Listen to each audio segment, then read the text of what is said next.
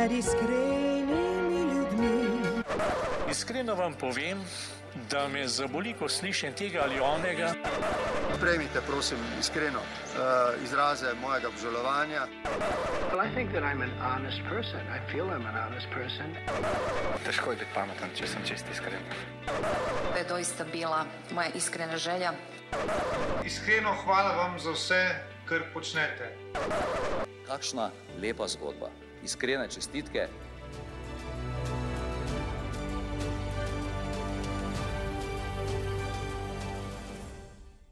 Drage poslušalke in spoštovani poslušalci, prisrčno dobrodošli v novi oddaji najbolj iskrenega podcasta. Podcasta, kjer ne ustvarjamo mnen, ampak skušamo spremeniti kakšno srce.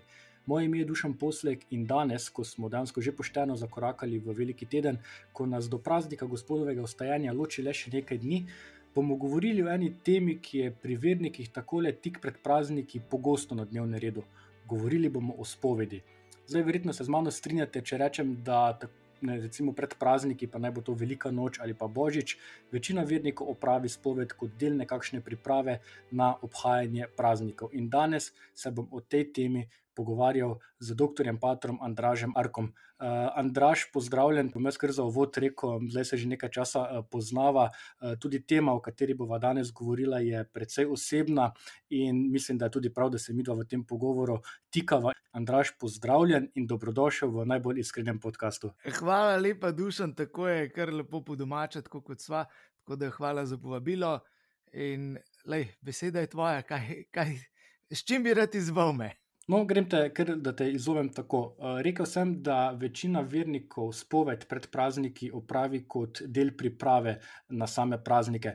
Je ta moja trditev sploh pravilna? Drži, je spoved še vedno v naši zavesti pomemben del priprave na prihajajoče praznike? Ja, jaz mislim, da, ja, da, da je precej. Tako kot je treba se pripraviti za praznike, da rečemo z samimi stvarmi, kaj in kako bomo pripravili eh, naše domovališče, kako smo sicer pripravili praznike, da tudi to spada eh, k pripravi od znotraj, torej, da je del tega. Pa, okay, nek, za mnoge je samo pač pred Božičem, pa veliko nočejo, marsikdo pa tega ne vzame izključno samo pred prazniki, ampak kot neko v bistvu redno higieno, da rečemo, s katero skrbi za dušo. No? Koliko pa je po tvojem mnenju eh, spoved še recimo tabu tema v naši družbi?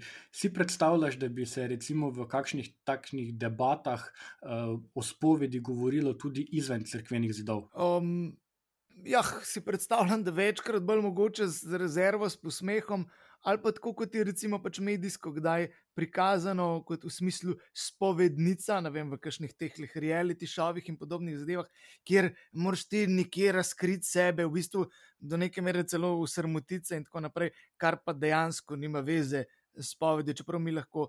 Ko prihajamo k spovedi, doživljamo sram, doživljamo krivdo, ampak eh, bistvo spovedi je, da me tega odreši, da me razbremeni tega, kar mi Gospod odpusti. Ne?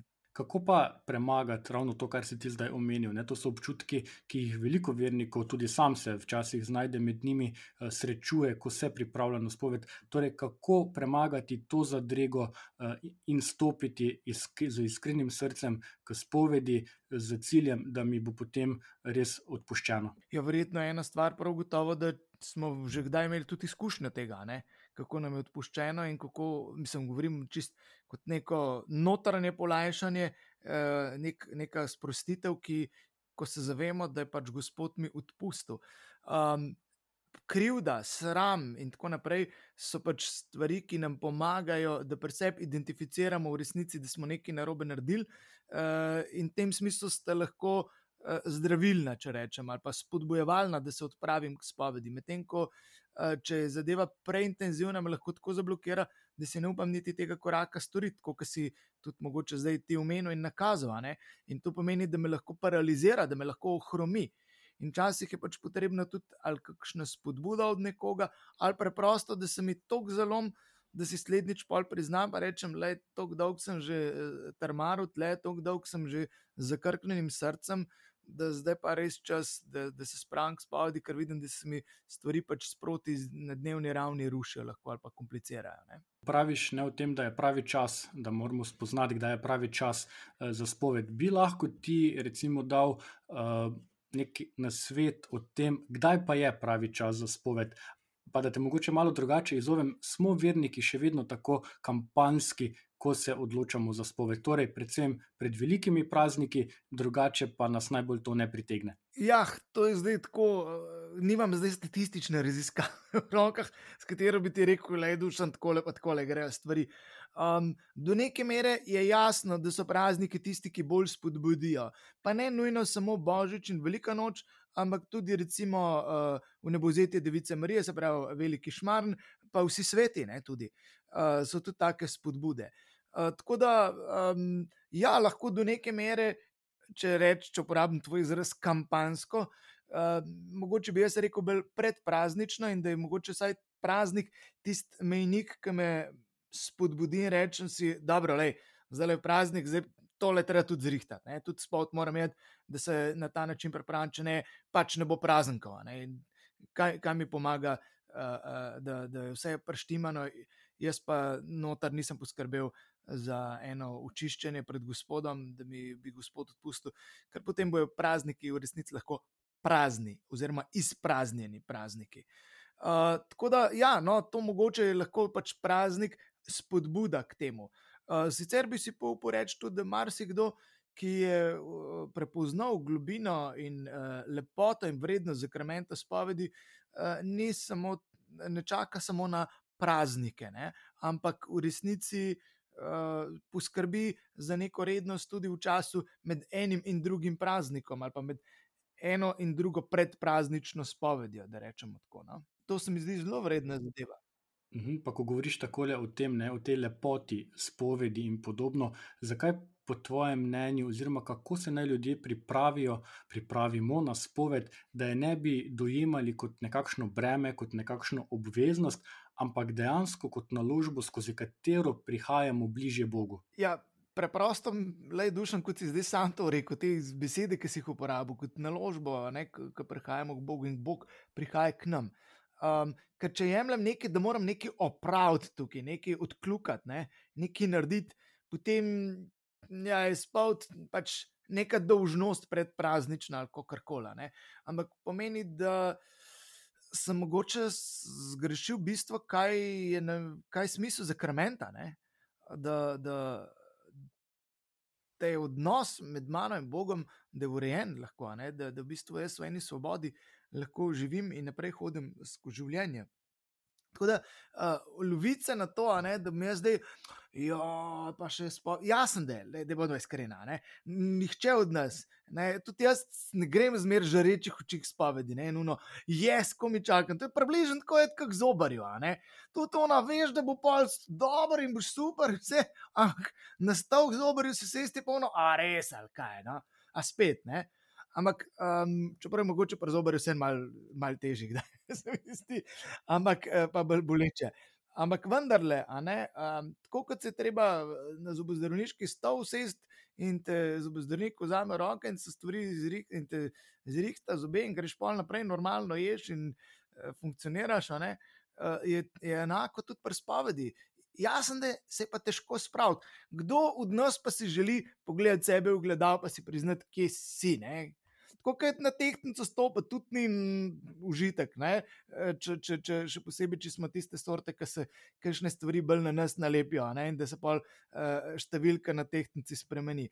Ni v redu stopiti na tehtnico, je pa realnost, da ti pokaže, kje si. In jaz mislim, da je tudi spoved kot neke vrste tehtnica ali pa ogledalo, ki ti pokaže, kje si, ne? kje sem jaz zdaj z, uh, v odnosu do Boga, do sebe. A, a, a je moje srce prožno, je živo, je pretočno za, za svetega duha. Je nekje utopelo, zakrknjeno, kako koli že. Ne? In utopelo, zakrknjenost pa seveda posledica greha. Andraš, zanimiva primerjava, ki jo daješ uh, z zdravniki. Uh, ko sem se tako uh, pripravljal na ta najn pogovor, sem našel še eno tvojo uh, primerjavo, ki si jo dal v enem iz intervjujev in sicer si dejal, da tudi za zdravnika ali pa ženske za ginekologa se odločajo z zavestjo, uh, da jim ni vse eno, kakšen ali kdo je. Uh, Pa recimo, ko se odločamo za spoved, koliko pa je odvisno od naše odločitve, komu gremo k spovedi, torej kdo je naš spovednik. Ja, le dušen tukaj je tako, ne. Um, rekel, tako sto ljudi sto čudi, da bomo rekli malo tako. Ma, imamo zelo različne navade in se mi zdi, da je znotraj tega potrebno to spoštovati. Imáš ljudi, ki želijo, če gremo na en ekstrem, uh, v, v spoved vsakič pri drugem spojniku in vedno anonimno, se pravi, da je ne prepoznaven, da je za rešetko in tako naprej.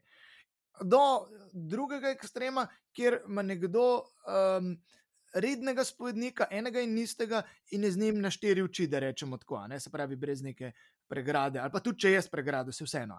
Ampak imaš rednega spovednika, ki, ki te spremlja, ki, ker lahko samo rečeš, ja, se veš, pa se veš, se tisto odzanča, kar sem že rekel, a ne pa spet ne gre naprej, kaj lahko še naredim, recimo ne, tako naprej. Um, tako da, če damo ta dva ekstrema, vse umesane uh, prakse, ki so, ali da imam tako ali drugače. Um, to je zdaj najprej izbira vsakega posameznika, kako se za to odloči. Uh, če pa greva v smeri tvojega vprašanja, se mi zdi pa, da če imam rednega spovednika, um, me lažje sooči z določenimi zadevami in se tudi sam soočam z njimi, kot uh, v primeru, ko vedno menjam, pa enkrat, pa drugim, enkrat, pa tristim, in tako naprej.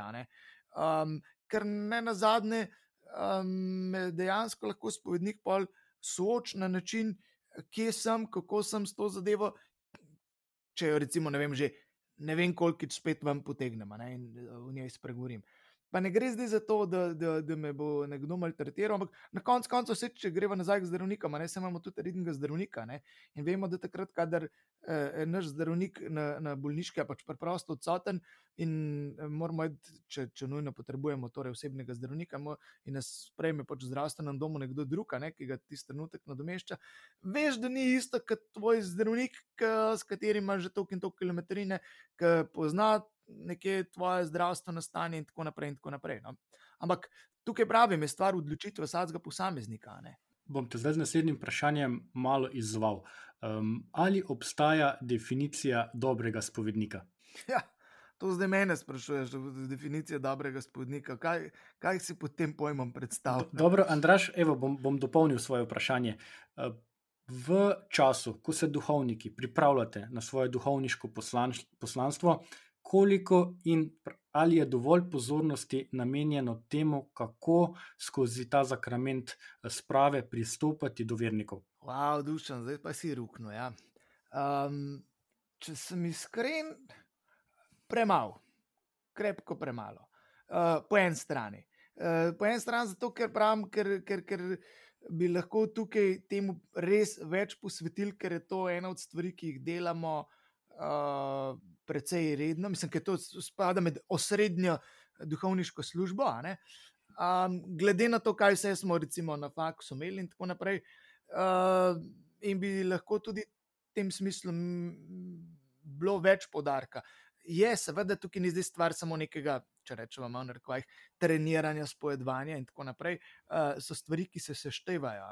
Od uh, tega, da uh, ne vem, neko teologijo duhovnosti in tako naprej, do uh, tega, kar recimo tudi uh, naš pater Kristjan Gustečnika, ne, uh, psihologijo, kar pomaga z nekim uvidom senzibilnosti in tako naprej. Uh, ampak ja, lahko bi bilo tega uh, še krepko več predvsem nekih vaj. Ne, tudi, če rečemo tako, ker eh, ko smo bili diakoni, ne pred mašniškim posvečenjem, smo imeli prav vaje v tem smislu, da smo se seveda fiktivno hodili eh, bogoslovci, mislim, so šolci, a ne diakoni, drug drugemu spovedovati. Ne. In potem pač eden je bil spovednik, drug je šel za spovedanca not in je dobil na listku, kaj, kaj če se mora spovedati in potem uh, vsi ostali so pa pred spovednico poslušali, seveda, spovednika, kako se bo odzval na spovedanca. Uh, tako da malo nekaj teh, bi rekel, simulacij je bilo, tako kot uh, pilot, preden gre v letalo, ima tudi ne, v simulatorju letenja in tako naprej. Ampak potem, pa, ko si pa v praksi, si pač v praksi, le in dušan, to je ista stvar, kot ko smo zaključili avtošolo. Pač, greš na izpit na vožnjo, dobiš izpit, pa pa voziš, ne pa pa zdaj. Eh, kilometrina pa pride zraven. Tukaj se mi zdi, da je, da je tudi to precej pomemben.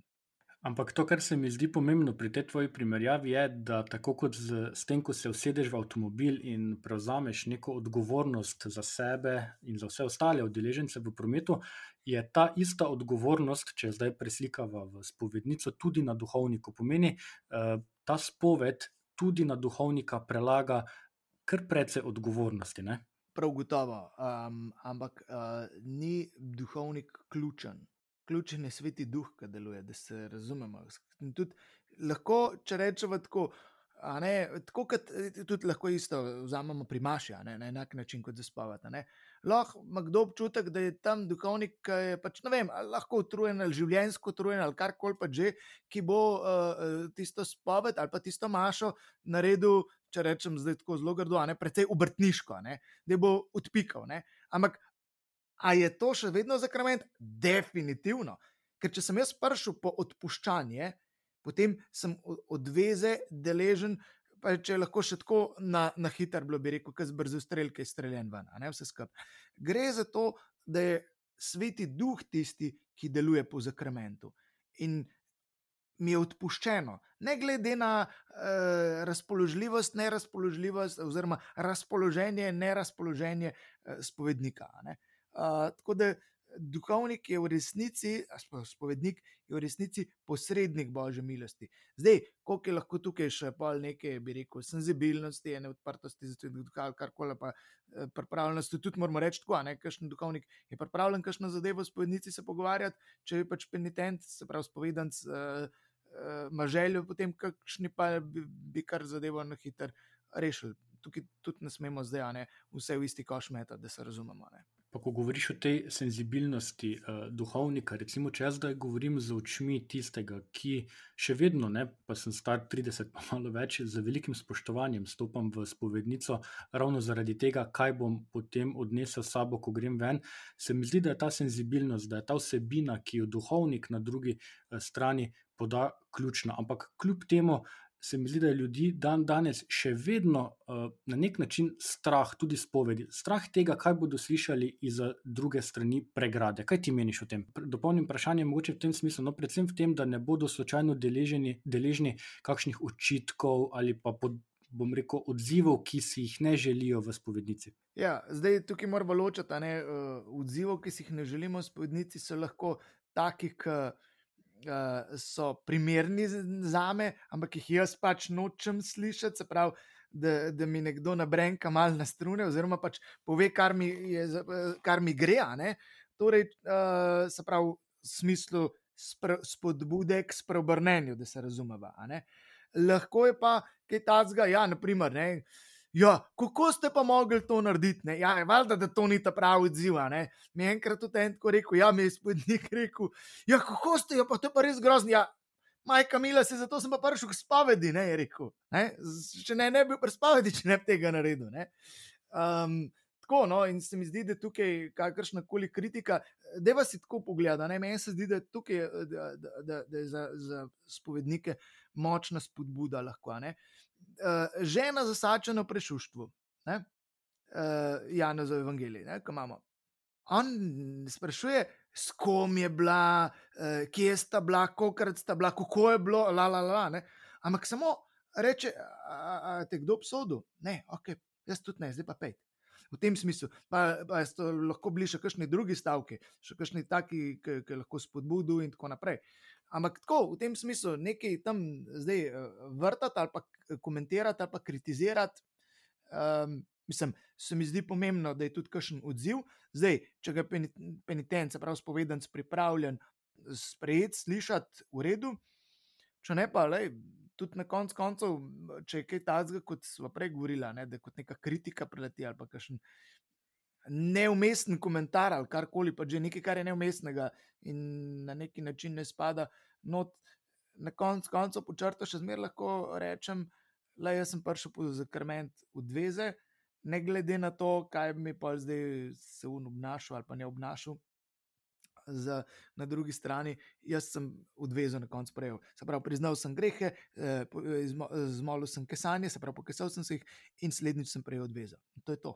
Duhovniki ste recimo edini, ne, ki poznate pogled na spoved, torej z obeh strani te pregrade v spovednici. Povej mi, kako se ti uh, pripraviš na samo spoved, tako ko sediš na tem duhovniškem, narekovaju sedežu, torej znotraj spovednice, ko k tebi prihajajo ljudje k spovedi, in pa potem v drugi fazi, ko se pa samo odločaš, da greš k nekomu na spoved. Ja, uh, vsakič, ko grem v spovednico, prej zmolim k svetmu duhu in se priporočim tudi uh, svetnikom, ki so bili pač, ki jih poznamo vsi kot top spovednike. Ne? Uh, Leopold Mandič, pa trpi Janes Marija Vijanej.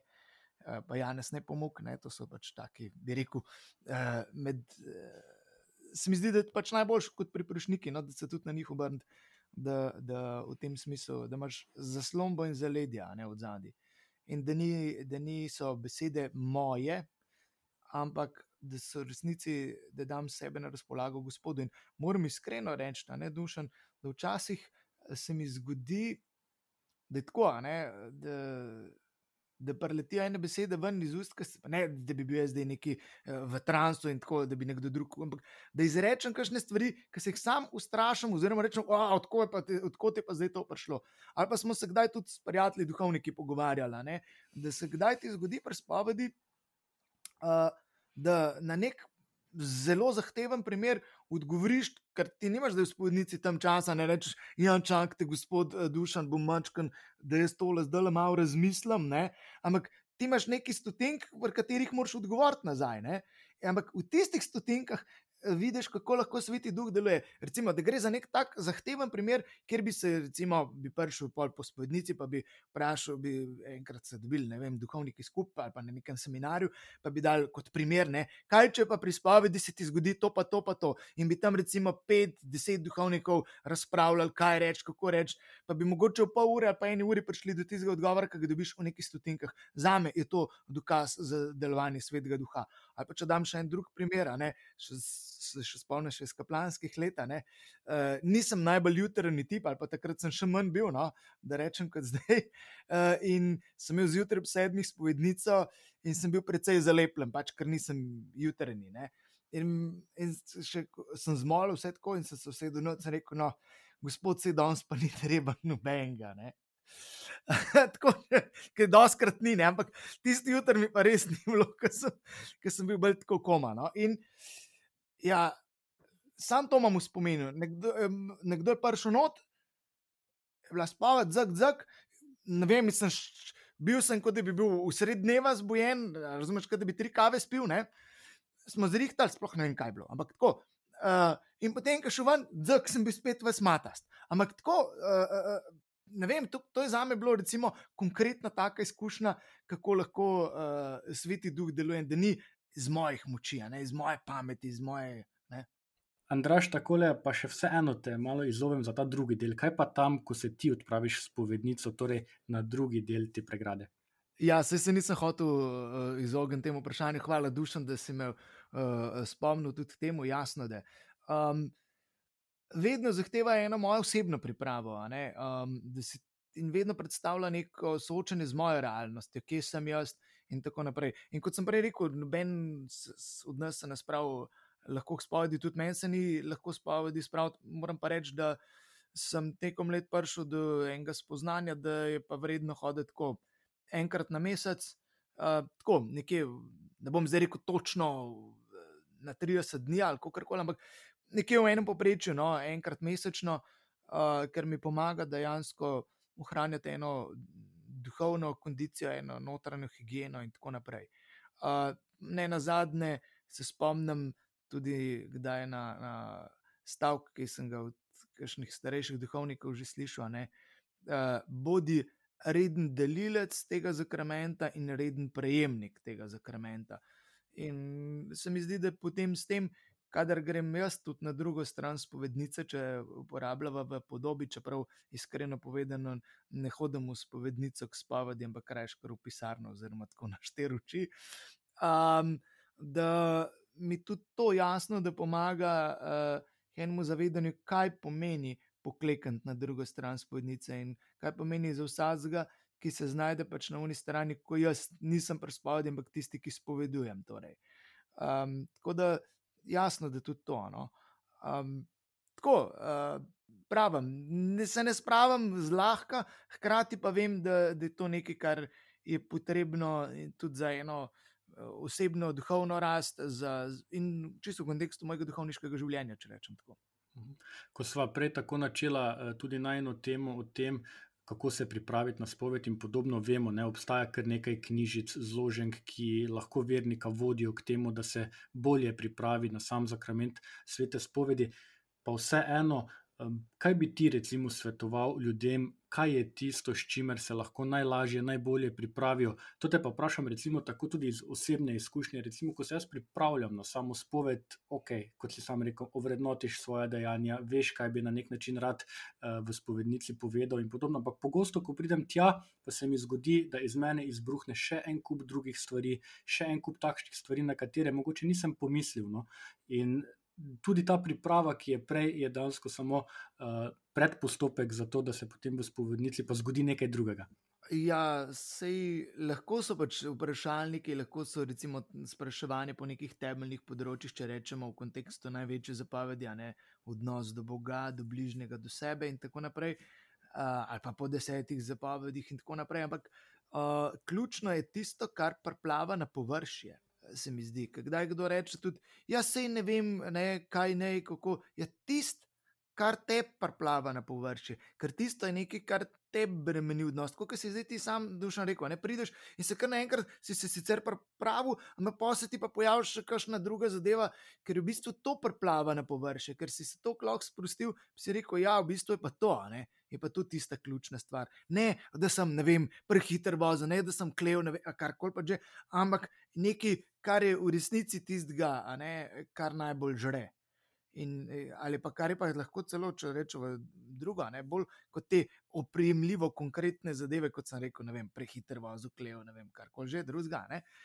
Um, so tiste, ki so subtilne, hinavske, ne te, ki jih jasno identificiramo, recimo na puh ne, občutek več vrednosti, zamera. To niso stvari, ki bi jo tako prijel na, na orang in rekel, da sem naredil prometni prekršek ne, ali pa ne vem, kar koli že. Ne. Ampak to so stvari, ki so lahko nekje na dnevni ravni navzoče v nas noter, ne, ki nas vse čas nekje tenstajo, če rečem tako. Ne, ampak to, to, to prepoznati, to odkriti in s tem prid pred gospoda, in splošno tudi, ne samo za odpuščanje, ampak da mi sveti duh tudi to zdrav, da, da lahko jaz uh, osvobojen tega živel, da mi ne bo to gnalo v odnosih do ljudi, oziroma blokiralo, če rečemo. In tako naprej. Andraš, kaj pa če imam občutek, da bi sicer šel k spovedi, ampak enostavno nimam grehov, ki bi se jih spovedal. To je seveda tako malo provokativno. Ja, ja, ja. Imamo, smo imeli enega legendarnega patra, pa nas. Uh, zdaj jaz ne vem, ali je to urbana legenda, ratala že z tega, ampak uh, ko je bil še na Tromu stav, je bil pa sicer tukaj za Bežigrad moj pred, pred, predhodnik, ne da rečem tako.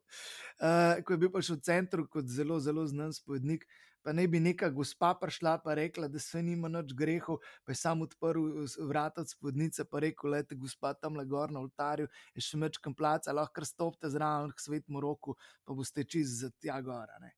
Tako mal v tem smislu. Uh, eh, se bi si človek tudi rekel, ne, če vzamemo tako, a papaš Frančišek, kakšen greh je pa ima on zdaj, da se nima cajta niti grešiti, razen to, da se mogoče na kakšnega z jezika, kakšne stvari ne grejo, oziroma ko, ko zveze kakšno afero spet v cerkve, ne, uh, če mu jo povejo. Ampak uh, uh, hodi pa na 14 dni spovedi, ne. Ajš, to, to, to se mi zdi tisto. Pa bi človek rekel, pa, pa sveti oče, ma daj. Ne? Ja, jaz mislim, da je ravno tukaj, a ne tudi. Eh, kot velja pregovor, bli, bližji oltarja, bližji hudiča. Tudi, ne? Pomeni, da bližje, ko smo svetim stvarem, bolj smo lahko tudi uh, pod udarom hudiča. Ne? In tukaj je, je dejansko spoved tisti zakrament, ki izžene hudega duha iz mene. Andraš, se strinjaš z mojo trditvijo, da je spoved v resnici ena takšna zelo, zelo intimna stvar. Ne? Torej, duhovniku, spovedniku odkriješ nekaj, mogoče tudi tiste najgloblje rane, bremena, grehe svojega življenja. Se strinjam in problem je v tem, da če imam blokado tukaj, uh, zato je tudi, glede na tvoje prejšnje vprašanje, pomembno, kdo je moj spovednik, ne, še posebej, če imam rednega. Da si upamo v določenih stvarih spregovoriti. Ker če ne, sem v bistvu ujetnik tistega. Moram reči, da sem že tokrat doživel, kdaj, da je kdo um, po toliko in toliko letih si upal spregovoriti in izreči določene zadeve, in kakšno olajšanje je bilo. Pa si rečem, pa je bilo res treba, da je bil toliko let ujetnik tistih zadev. Mislim, in je res prav škoda. Ker vidiš, kakšno. Kakšno olajšanje pa pride, kakšna sprostitev notranja. ne, Ampak, če sem ujetnik sramu in strahu, zaradi tega je pomembno, da stvari ubesedimo. Bo kdo rekel, pa dobro, se jaz lahko sam povem to Bogu, jaz lahko to sam z Bogom zrihtam. Ne? Ampak, gledaj, duša, ne, ti, ti, ki si poročen in to boste vi, ki ste poročeni, najbolj zastopili. Ti lahko misliš, kako je tvoja žena lepa, pa kako jo imaš rad, vse to lahko misliš. ne. Ja, ampak, če ti tega ne boš povedal, kva to pomaga v vajnem odnosu? Ne? Tu- Tukaj je stvar, ne? je pomembno, da stvari izrečemo, ker ko jih ti izrečeš svoje ženi, rad te imam, lepa si, ne? ali pa wow, dobro dober si tole pripravljal, ali karkoli pa že, ne? nekaj, da pohvališ in karkoli. Uh, je to nekaj, kar, kar da en bistven poudarek v odnosu, kar, kar da bistveno aromo v odnosu.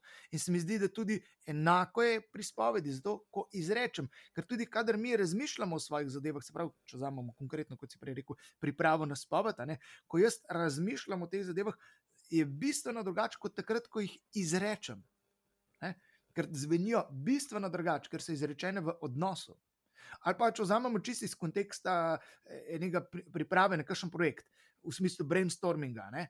Eh, In, in tam in, eh, se pogovarjamo, in eh, sem mogoče prišel z neko idejo, tebi pa začneva debatirati, pa ti še nekaj vprašaš, pa jaz začnem drugo razlagati. In v bistvu na koncu jaz prijem, čeprav sem tebe prišel vprašati za idejo, sem jo v bistvu jaz sam izrekel, ampak samo zaradi tega, ker je bila v interakciji med nama. In se je ta zadeva, je lahko zadeva ven prišla, čeprav je že nekje v meni bila. In tukaj se mi zdi, da je tudi ta moment spovedi zelo močen, da lahko stvari v resnici ven pridejo. Ampak pomemben faktor se mi zdi pri vsem tem, kar si ti zdaj povedal, pa se s tabo seveda v celoti strinjam. Uh, res je, ne se doma lahko tudi na glas izpovemo neke svoje grehe, lahko v molitvi se pogovorimo z Bogom, ne? ampak tisti element, ki pa tukaj manjka na koncu, je pa ta odveza, ne? ki jo pa dobimo dejansko v spovednici. Absolutno. Je isto, mi lahko tudi molimo, pa imamo eh, berila, beremo, pa evangelij preberemo, ampak Evharistije pa ne bomo mogli pridobiti s tem. In mogoče, če sem že to zdaj omenil, ne, uh, se mi zdi, da, da imamo lahko dostakrat uh, to, kar vidim, da je sodoben problem. Ne? Neko izbirnost glede zakrmentov. Ne? Uh, Evharistijo bi imel, uh, spovedi pa ne bi imel. Ne? Uh, bi imel krst za otroka, ampak poročil se pa ne bi. Ne? In tako naprej. Ampak to ni zdaj uno, ta zakrment mi paše, un mi pa ne paše. Zakrmenti so poti Boga do nas in naše poti do Boga preko zakrmentov, da pridemo skupaj. In ne morem zdaj reči, da ja, to mi paše, tisti mi pa ne paše. Ker če zaprem eno pipico, sem zaprl dovod na vseh sedmih pipicah, če smo že čist pri tem. Ne? Uh, in ni zdaj neke selektivnosti, da to bom, to mi paš. Ne, ker je vse, povsod prihaja Bog k meni. Tako v, v, v zakrmentu, recimo, ne vem, v Euharistiji ali svete Berme, kjer gre za okrepitev in po, um, poglobitev in ne, ta moč, ki pride vame.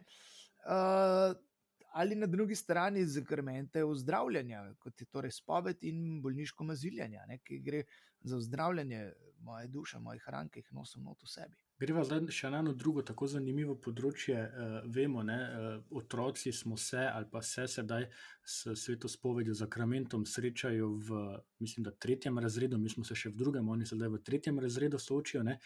Povej mi, kakšen bi bil tvoj nasvet, tudi meni in vsem staršem, ki nas poslušajo v tej oddaji, kako otroka pripraviti na samo spoved. Vse vemo, znotraj veruka temu namenijo kar nekaj pozornosti, ampak vseeno se mi zdi, da temelj pa bi moral biti postavljen v torej, najmanjši možni župni in to je družina. Ne? Točno, dušan, in to, tukaj, tukaj je ključno. Lahko uh, župnik, lahko katehet in tako naprej, katehistinja pripravi otroka na to. Ampak prva stvar je, kako se boste vi v tem doma tudi pogovarjali, oziroma ne prva, to je že sekundarna. Prva stvar je, dušan, kako greš ti k spovedi. Kako greš ti in tvoja žena k spovedi, in, in še posebej pa, če greš k spovedi kot družina. moram reči, da sem imel, ko sem bil še na, na Tromostoju, večkrat izkušnjo prav to, da so prišli lahko po cele družine. Ne? Tako si prav točno videl, da uh, ta mama, pa otroci, tak, tak, tak, ali pa so začeli otroci, pa zaključili ta pa mama. Ne? In si reči, wow, ne? mislim, kaj je to lepšega kot to, da vidim jaz svojega očeta, ki je super oči, najboljši oči in super duper, ampak ta oči gre v spodnico, pa poklekne tja. Se pravi, pol. Mora biti ta bog, ki ga moj oče česti, res velik. In če si moj oče upa, je to spodnica, e, pa sem pa tudi jaz upal. Tako da to, to je tista največja priprava in največji zgled, ki ga date vi, starši. Ne. Tudi če govorimo zdaj, recimo v, v, v mešanem zakonu, če lahko nekdo veren, se pravi, da je nekdo kristjan, drug zakon pa ni. Uh, to, to ni zdaj stvar v tem. Če, tukaj govorimo, zdaj, če, če pač enotno starševstvo, pa lahko spodbuda. In zdaj, če je otrok tisti, ki je tudi torej, v vajenju zakramente, saj s tistim staršem, ki je torej uh, kristjan, da lahko torej, uh, pristopa z zgledom in skupaj s staršem, ker na koncu konca se tudi bolj počutiš. Uh, da, da, da te pripeljejo. In tudi tukaj, sam, recimo, v praksi skušam, kadar imamo prvo spoved, tudi uh, na ta način oblikovati, da starši pripeljejo otroka k prvi spovedi. Enako tudi za prvo sveto obhajilo. Vi ste ga rodili, vi ste ga prenesli k krsu, zdaj ga ste vi tudi pripalali k spod, pa vi ga ste pripalali uh, k obhajilu. Pri tem se mi pa zdi še ena stvar zelo pomembna, pa sem se spomnil že na njo malo prej, ko si govoril, govoril s povedniki o, o Janezu Mariji Vijaneju. Uh, pred časom sva z mojim najstarejšim uh, sinom prebirala en strip, ki podrobno opisuje uh, njegovo življenje, in velik del tam v drugem delu je namenjen ravno tem njegovim celodnevnim spovedim. To pomeni, ko je danes toliko časa namenil spovedi, da je bil že izčrpan do nemoglosti.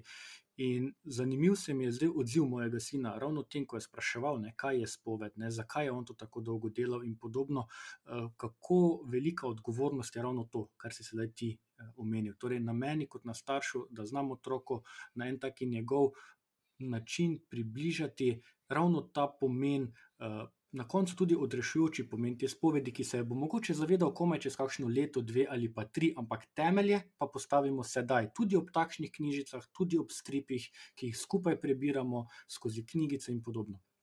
Absolutno. Ampak dušam ti rekel, še boljša varianta pa je, da takrat, kadar ga ti nekaj polomiš v odnosu do svojega sina, da takrat ne, se ne zagrneš v, v, z neko aureolo in na pedestal stopiš in rečeš, jaz sem, se ne zmotam, ampak da znaš priti nazaj in reči, uprosti, tole pa nisem prav naredil. Ne? Tisto, kar sem prišel iz službe, uh, ker, me, ker sem me v službi nekaj razjezil, pa si pa ti tam nekaj nisi pospravil, pa sem jaz tam zdaj uh, začel kričati na te in mi je ušlo. Lej, se upravičujem, bil sem živčen, bilo je vsega tega, ti nisi bil kriv, se ti upravičujem in te prosim, če mi odpustiš. To ni zgled, le dušan. Pa, se pravi, če, če, če se moj oče lahko meni upravi za tisto, kar je v resnici narobe, da se pravi, prevzame odgovornost, s tem je največji zgled, kako naj tudi jaz delam. Torej. Mislim, da sem tle oče, pač ti si oče, zaradi tega se tako pogovarjajo, pa mama, vse vseeno. Vi, starši, ste s tem lahko največji zgled, res. In največja spodbuda, in na koncu koncev, tudi ko lahko tvoj sin, ki ga je polomil, pa pride nazaj, pa reče: Oče, prost, ker sem to naredil, In kaj, ja, lahko se, se pač pogovorite, če je treba, in ono tretje. Ampak kaj, ja, na koncu ga boš ubil, pa ga stisnil k sebi. A ni to spoved? Mislim, a ni to tisti moment, tisti elementi, ki so eh, ključni v spovedi, ne na zadnjih, evangelist Luka tako čudovito uriše v priliki o izgubljenem sinu. Uh, Andraš, tako le za zaključek eh, tega najnega pogovora bom te še tako izval. Pred enim letom, ko smo se soočili z to epidemijo, prvič soočili z epidemijo COVID-19, se je okoli velike noči kar veliko pojavljalo ravno to vprašanje spovedi, kako k spovedi, če so crkve zaprte in podobno. Bilo je tudi ogromno odgovorov na vprašanje, ali lahko spoved uh, po telefonu nadaljavo in podobno. Pa mislim, da takrat bila dokaj jasna in uh, ustrezno navodilo, kako se to lahko in kako se to ne sme početi. Želim pa reči tole: ne, spoved, kljub vsemu znanstvenemu in tehnološkemu napredku, ni postala zadeva, ki bi jo lahko v narekovajih rešili na en takšen instant način skozi nekakšne aplikacije nadaljavo. Spoved še vedno ostaja pristen stik z Bogom, kjer prosiš odpoščanje. Točno, tako kot Maša. Tudi če imaš in ne moreš šeti, tisto, kar spremljaš preko video prenosa, po televiziji, kakorkoli že, je pač spremljanje maše, ne pa da si navzoč pri maši, ker pri maši si navzoč z občestvom, se pravi s svojimi brati in sestrami. In to, da smo občestvo, je zato, ker je med nami Euharistija, ki jo prejmemo in mi potem iz tega postajamo Euharistija. In enako je tudi pri spovedi. Ne moramo neki virtualno urediti, čeprav bi človek rekel, pa se to je, se pogovarjaš, pa tako naprej. Se tukaj je večji problem v tem, ker je pač nek medij vmes in uh, lahko pri tem pride do zlorabe do prisluškovanja in tako naprej, se pravi, ni zagotovljena spovedna močečnost. Zato smo tudi v času, ko se pač so se stvari sprostile, kar zadeva uh, spovedovanje in maša, govorimo po prvem valu in tudi potem znotraj drugega, ne, uh, tako zorganizirali stvari, da pač lahko spovedovanje poteka pač v večjih prostorih, ne v spovednici. Pri nas konkretno ne, smo pač krstilnico, ki je, lo, ki je del, sestavni del crkve, ampak je ločena, zaprta, uh, pa je večji prostor, smo tam preuredili v, v spovednico, tudi celo uh, se je Mežnar tako angažiral, da je celo neko špansko steno zrihtel, da je kdo želi, da mu je tudi anonimnost omogočena, drugače pa lahko tudi, seveda, izuči oči. Ampak tako da je res v kontekstu vseh teh. Uh, Zdravstvenih standardov, kar zadeva pač koronavirusa, ne, da so z maskami, z razkužovanjem in prezračevanjem prostora, in predvsem, da je dosta velik prostor. Ampak tako moram pa reči, da kar zadeva spovedovanje, popolnoma normalno teče naprej. Jaz imam veliko spovedovanja, sem so brata, so brata tudi v skupnosti. Naj si bo v cerkvi, naj si bo, da se kdo posebej naroči, tako da zdaj le v teh dneh pa sploh.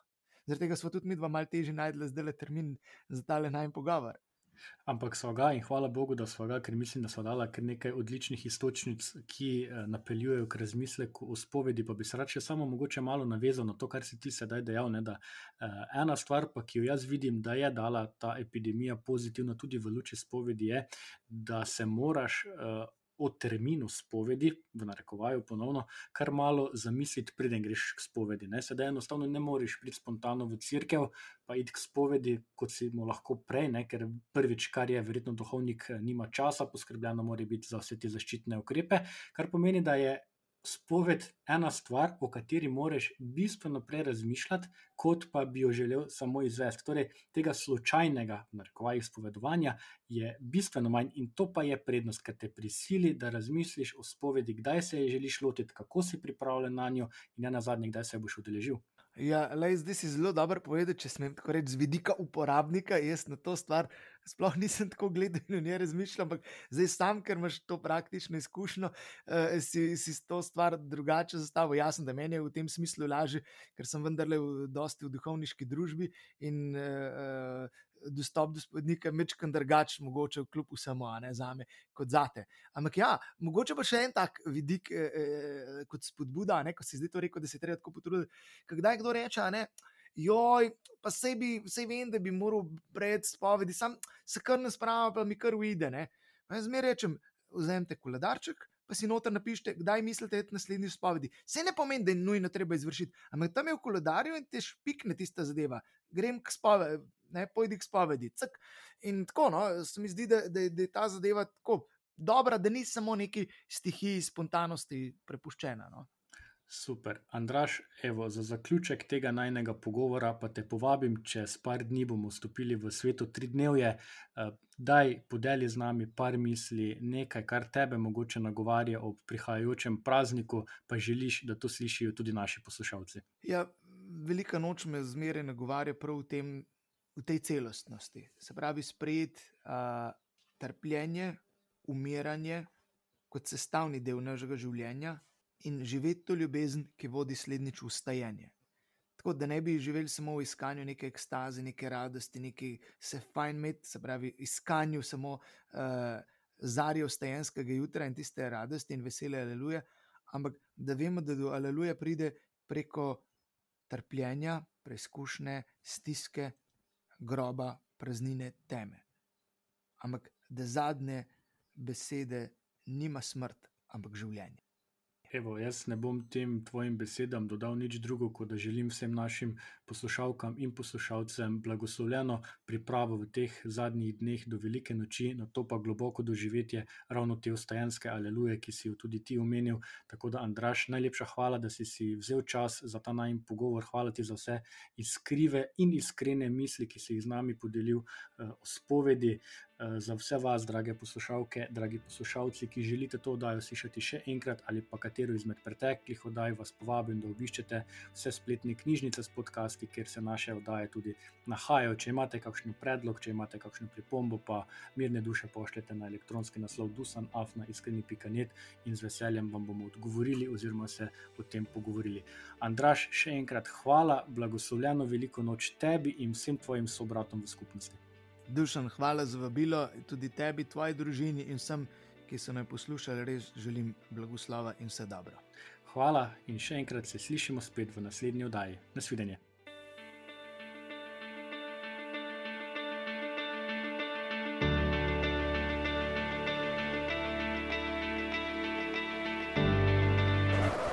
Med iskrenimi ljudmi. Iskreno vam povem, da me zaboli, ko slišim tega ali onega. Prejmite, prosim, iskreno uh, izraze mojega obžalovanja. Well, I think that I'm an honest person. I feel I'm an honest person. Težko je biti pameten, če sem čist iskren. To je doista bila moja iskrena želja. Iskreno hvala vam za vse, kar počnete. Kakšna lepa zgodba. Iskrene čestitke